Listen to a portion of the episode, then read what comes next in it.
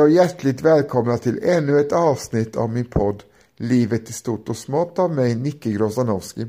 Och detta är avsnitt 185. Och i detta avsnitt ska vi bege oss ut i rymden och eh, lära oss veta mer om den så kallade rymdkapplöpningen mellan USA och Sovjetunionen.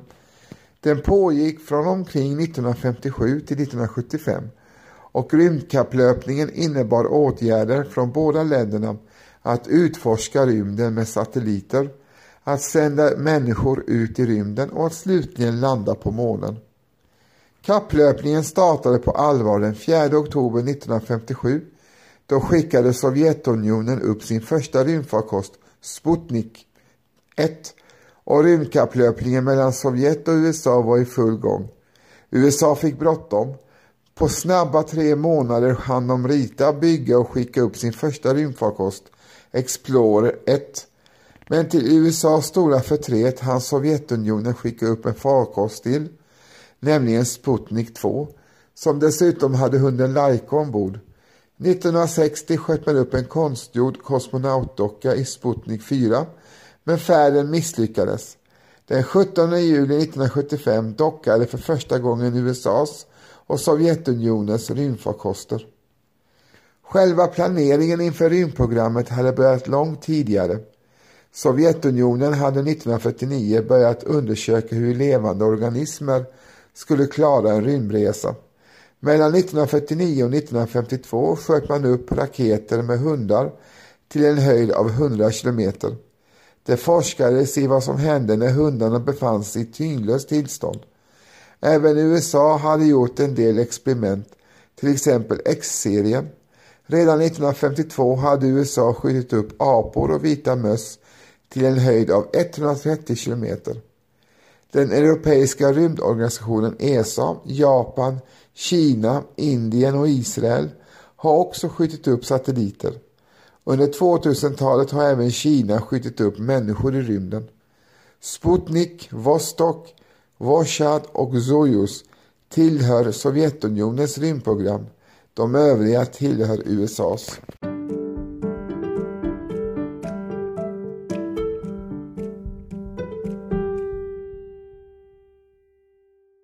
Raket har intresserat forskare och amatörer i mer än 2100 år.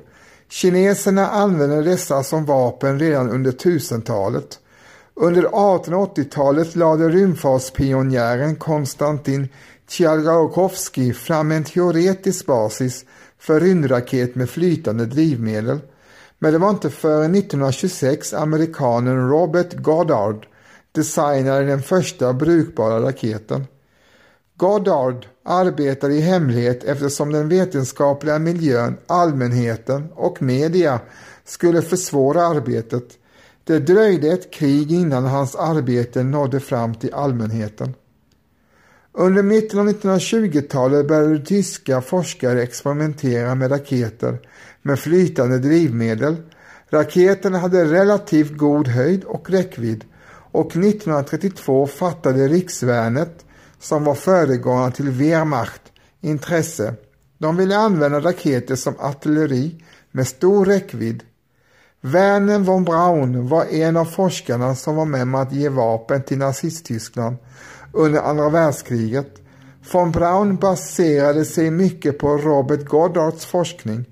Han förberedde raketen och 1942 blev A4-raketen det första utkastet klart som nådde ut till allmänheten. 1943 påbörjades produktionen med efterföljaren V2.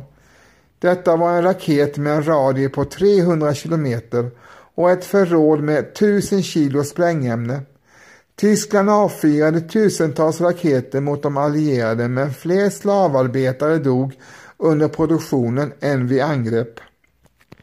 I krigets slutfas försökte amerikanska, brittiska och sovjetiska trupper få tysk teknologi och arbetskraft från vapenprogrammen, huvudkvarter i Penaminde. Amerikanerna var de som lyckades bäst i jakten och under operation Paperclip tog de med sig flera forskare till USA. Flera av forskarna, inkluderad von Braun, var medlemmar av nazistpartiet, men detta tystades ner.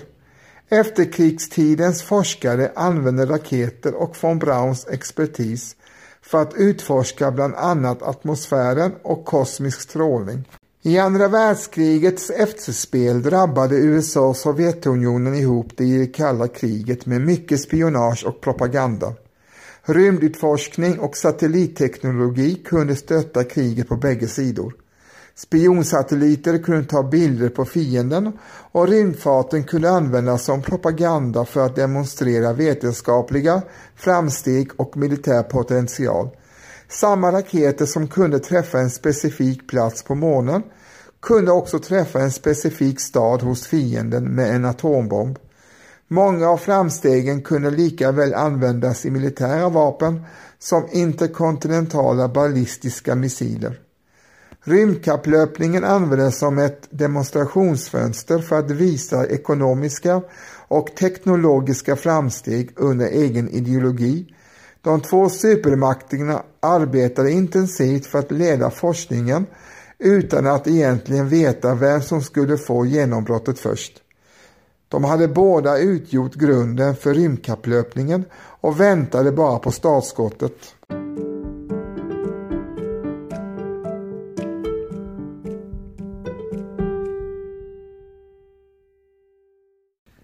Den 4 oktober 1957 skickades Sputnik 1 från Sovjetunionen ut som den första satelliten att nå omloppsbana.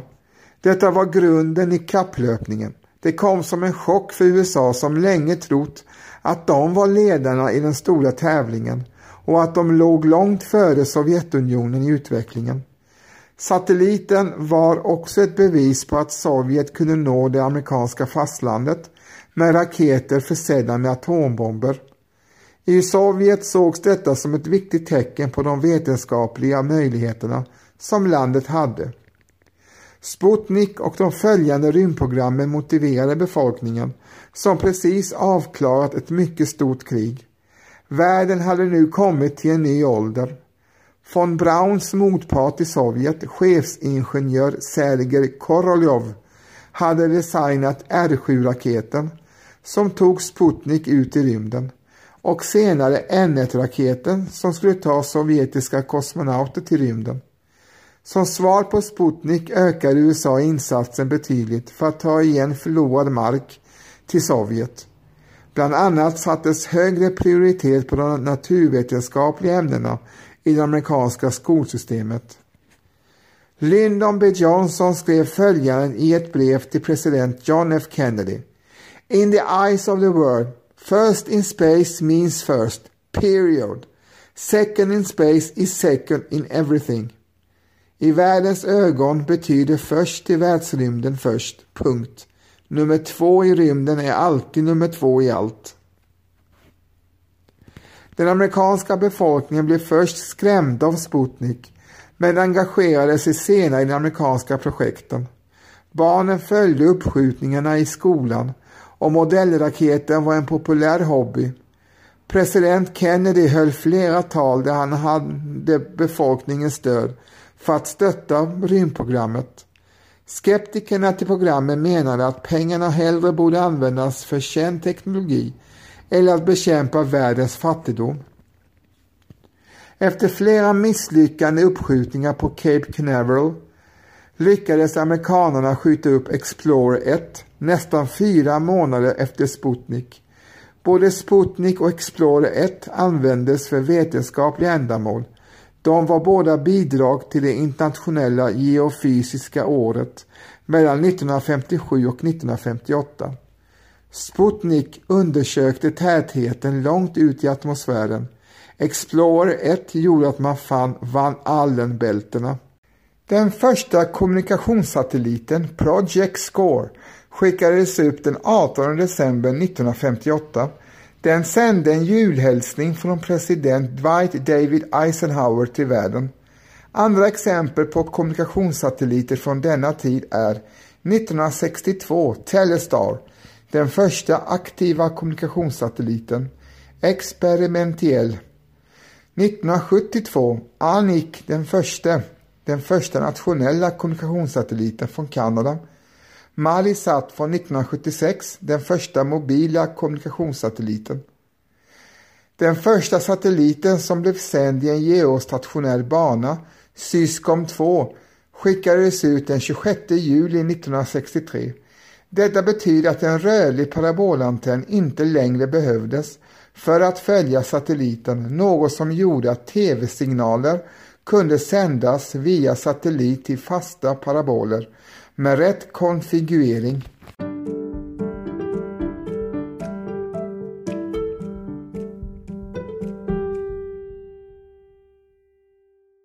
Tekniskt sett blev bananflugor uppskjutna på V2-raketer av amerikanerna 1946 de första djuren i rymden. Flugorna användes i vetenskapliga studier. Det första däggdjuret, hunden Laika, sköts upp i Sputnik 2 1957. Dåtidens teknologi var inte tillräcklig för att rädda hunden Laika och hon dog tyvärr snart efter att den drabbades av stress och värmeslag. 1960 gick hundarna Belka och Strelka i omloppsbana runt jorden med framgång. Det amerikanska rymdprogrammet använde schimpanser. Minst två schimpanser skickades upp innan försök med människor gjordes. Senare har flera djur använts i rymdrelaterad forskning men motståndet bland befolkningen gjorde att de sista experimenten med djur gjordes under slutet av 1990-talet. I september 1968 blev sköldpaddor på den sovjetiska expeditionen Zond 5 de första djuren att flyga runt månen. 1970 skickade NASA upp två stycken oxgrodor. Syftet med att denna resa var att undersöka hur grodorna reagerade på viktlöshet. Båda grodorna dog under resan och farkosten nådde aldrig jorden på dess hemresa. År 1973 bestämde sig NASA för att skicka upp en ny art i rymden. Denna nya art var ett par kilfiskar. Fiskarna skickades upp i rymden med NASAs raket Skylab 3. Fiskarna överlevde resan och kom tillbaka till jorden oskadda.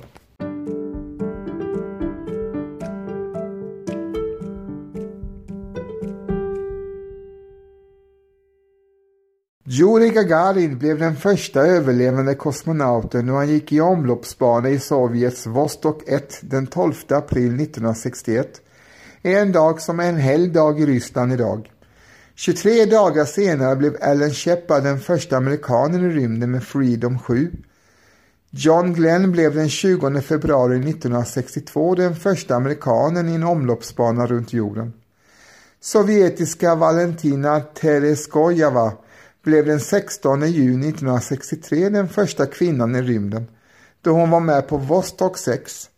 Det var egentligen planerat med fler uppdrag med Vostok men då amerikanerna lanserade Apollo-programmet krävde Sovjets president Nikita Khrushchev att Sovjet måste få in fler än en passagerare i ett rymdskepp.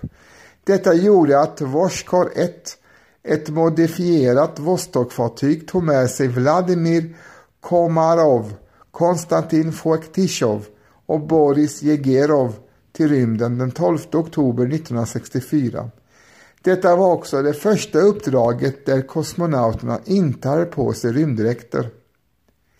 Alexej Leonov i Voskot 2-expeditionen blev den första människan att göra en rymdpromenad den 18 mars 1965. Uppdraget var nära att bli en katastrof Leonov klarade nästan inte att komma tillbaka till rymdskeppet igen. Under återresan till jorden fungerade inte raketerna som de skulle, något som gjorde att Voshko 2 körde totalt 1600 kilometer på landningsområdet.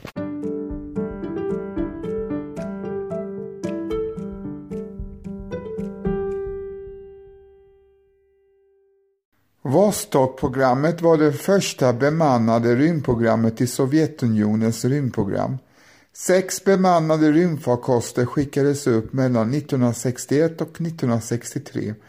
Den farkost man använde för flygningarna hette Vostok.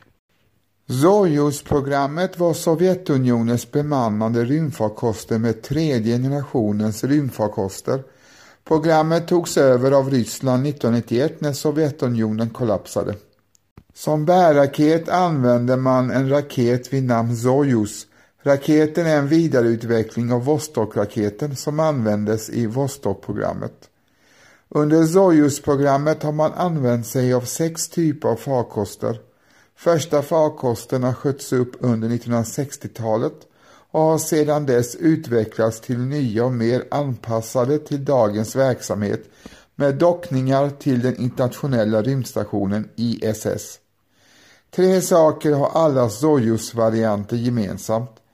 En sfärisk omloppsmodul, en liten aerodynamisk återinträdeskapsel, en cylindrisk servicemodul med solpaneler. Sojus-farkosterna användes från 1970-talets början till rymdstationerna i Saljust-serien och sedermera Mir. Sojus skjuts upp från kosmodromen i Baikonur i Kazakstan.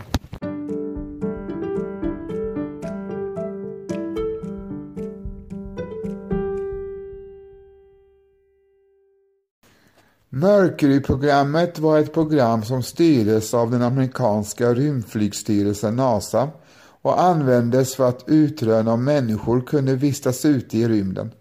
Detta var ett av NASAs första primära mål. Den 9 april 1959 valdes sju astronauter i astronautgrupp 1 inför detta program.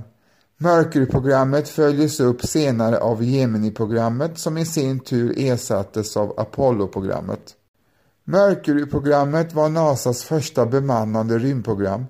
Det höll på från 1959 till 1963 och sammanlagt skickades 15 av totalt 20 kapslar upp i rymden, varav 6 var bemannade.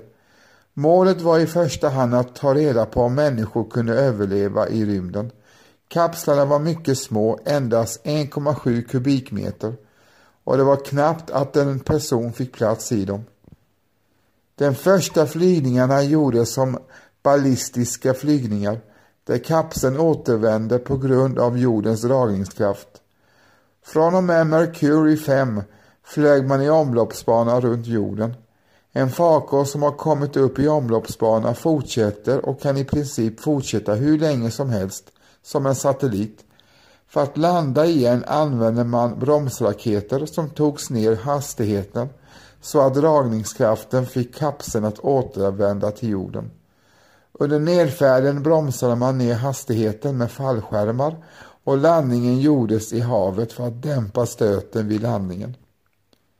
En av de sex astronauter som flugit Mercury-kapseln ska ha skämtat om att kapseln var så liten att man istället för att krypa in i den så tog man den på sig.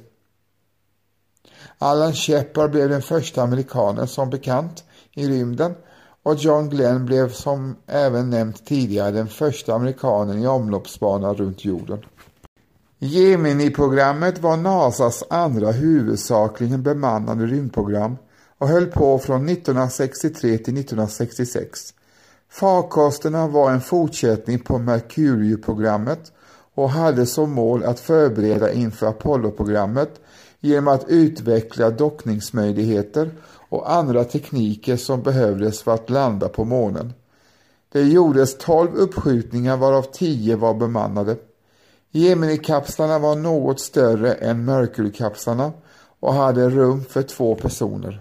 Gemini-programmet skulle testa flerbemannad kapsel, rymdpromenad, långtidsflygning samt dockning i rymden mellan två olika farkoster som ett led inför Apollo-programmet.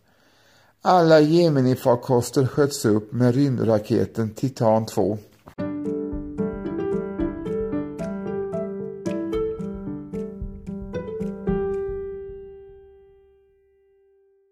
Snabbt så blickar man utåt även mot de övriga planeterna i vårt solsystem och Sovjet sände sina första planetariska uppdrag både till Venus och till Mars 1960.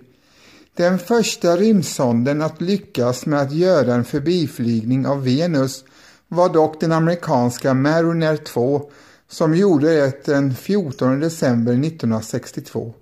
Den sände tillbaka överraskande data om den höga yttertemperaturen och luftdensiteten på Venus Eftersom den inte bar med sig några kameror så uppmärksammades dess upptäckter inte lika mycket av allmänheten som den hade gjort om den hade sänt bilder tillbaka, vilket skulle vara mycket bättre än det man får från teleskop på jorden. Den sovjetiska Venera 7, uppskjuten 1971, blev den första rymdsonden att landa på Venus. Venera 9 sänder tillbaka de första bilderna från en annan planets yta. Dessa två rymdsonder representerar några av de många lyckade flygningarna i det sovjetiska Venera-programmet. USA sköt upp Mariner 10 som passerade Venus på dess väg mot Merkurius 1974. Den blev den första och den hittills enda rymdsond att ha flugit förbi Merkurius. Mariner 4, uppskjuten 1964 av USA, blev den första rymdsonden att flyga förbi Mars 1965. Rymdsonden sände helt oväntade bilder. Den första rymdsonden att landa på Mars blev den sovjetiska Mars 3. Den fungerade endast i 20 sekunder och kunde därför bara sända hem lite data. Det amerikanska Vikingprogrammet blev de första 1976 att sända bilder från Mars yta. USA skickade också upp Pioneer 10 som gjorde en lyckad förbiflygning av Jupiter 1973. Detta överskuggades dock av förbiflygningen av Saturnus som genomfördes av Pioneer 10 1979 och de första och hittills enda förbiflygningarna av Uranus 1986 och Neptunus 1989 och de gjordes av Voyager 2.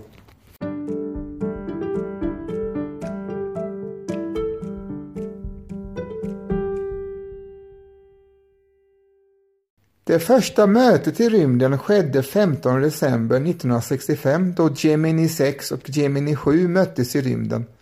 De var bara 30 centimeter från varandra som närmast. Gemini 8 genomförde den första framgångsrika sammankopplingen med Agnes i rymden den 16 mars 1966. Den första automatiska sammankopplingen skedde den 30 oktober 1967 mellan sovjetiska Kosmos 186 och Kosmos 188. Den första uppskjutningen från havet skedde den 16 mars 1967 med den amerikanska Sokut B. Den första dockningen mellan två bemannade farkoster genomfördes den 16 januari 1969 och det var mellan Soyuz 4 och Soyuz 5. De första rymdstationen Zaljut 1 togs i drift den 7 juni 1971.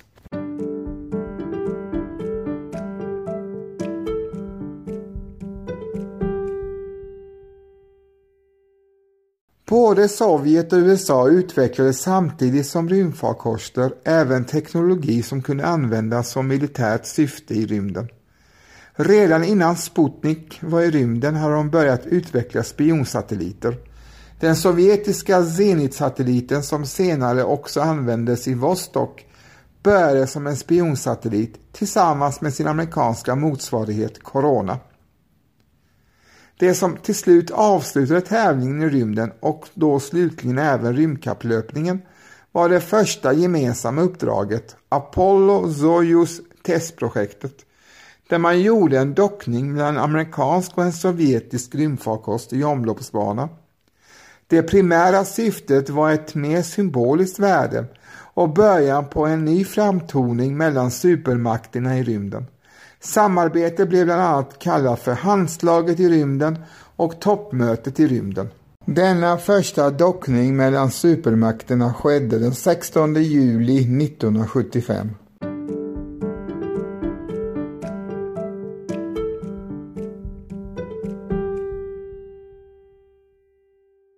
Ja, detta var alltså bakgrunden till det som vi kallar för rymdkapplöpningen eller Star Wars eller Space Race. Rymdkapplöpningen var ju en del av det så kallade kalla kriget som pågick mellan supermakterna USA och Sovjetunionen och som började med andra världskrigets slut 1945 och varade fram till Sovjetunionens fall 1991. Och eh, visst var det en tid där de båda supermakterna hotade världen och hotade framförallt varandra och eh, med en enda knapptryckning kunde man säkert spränga sönder hela jorden om man så hade velat och önskat. Men detta blev också till slut en del av den så kallade rymdforskningen som gjorde att man började utforska rymden och eh, började sända satelliter och sonder till de olika planeterna och eh, detta blev till slut frukten av det som vi idag kan och vet om rymden och eh, våra grannar där. Så helt förgäves och eh, destruktiv var inte detta. Men sen kan man ju fråga sig om det var värt att lägga alla dessa pengar på det, men det är en annan fråga. I det här avsnittet har jag medvetet eh, undvikit ta upp Apollo-projektet och rymdfärjeprogrammet.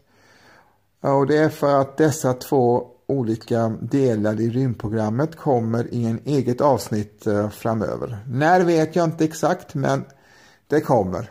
För eh, de tycker jag ändå är så pass omfattande och viktiga så att de förtjänar en egen, ett eget avsnitt.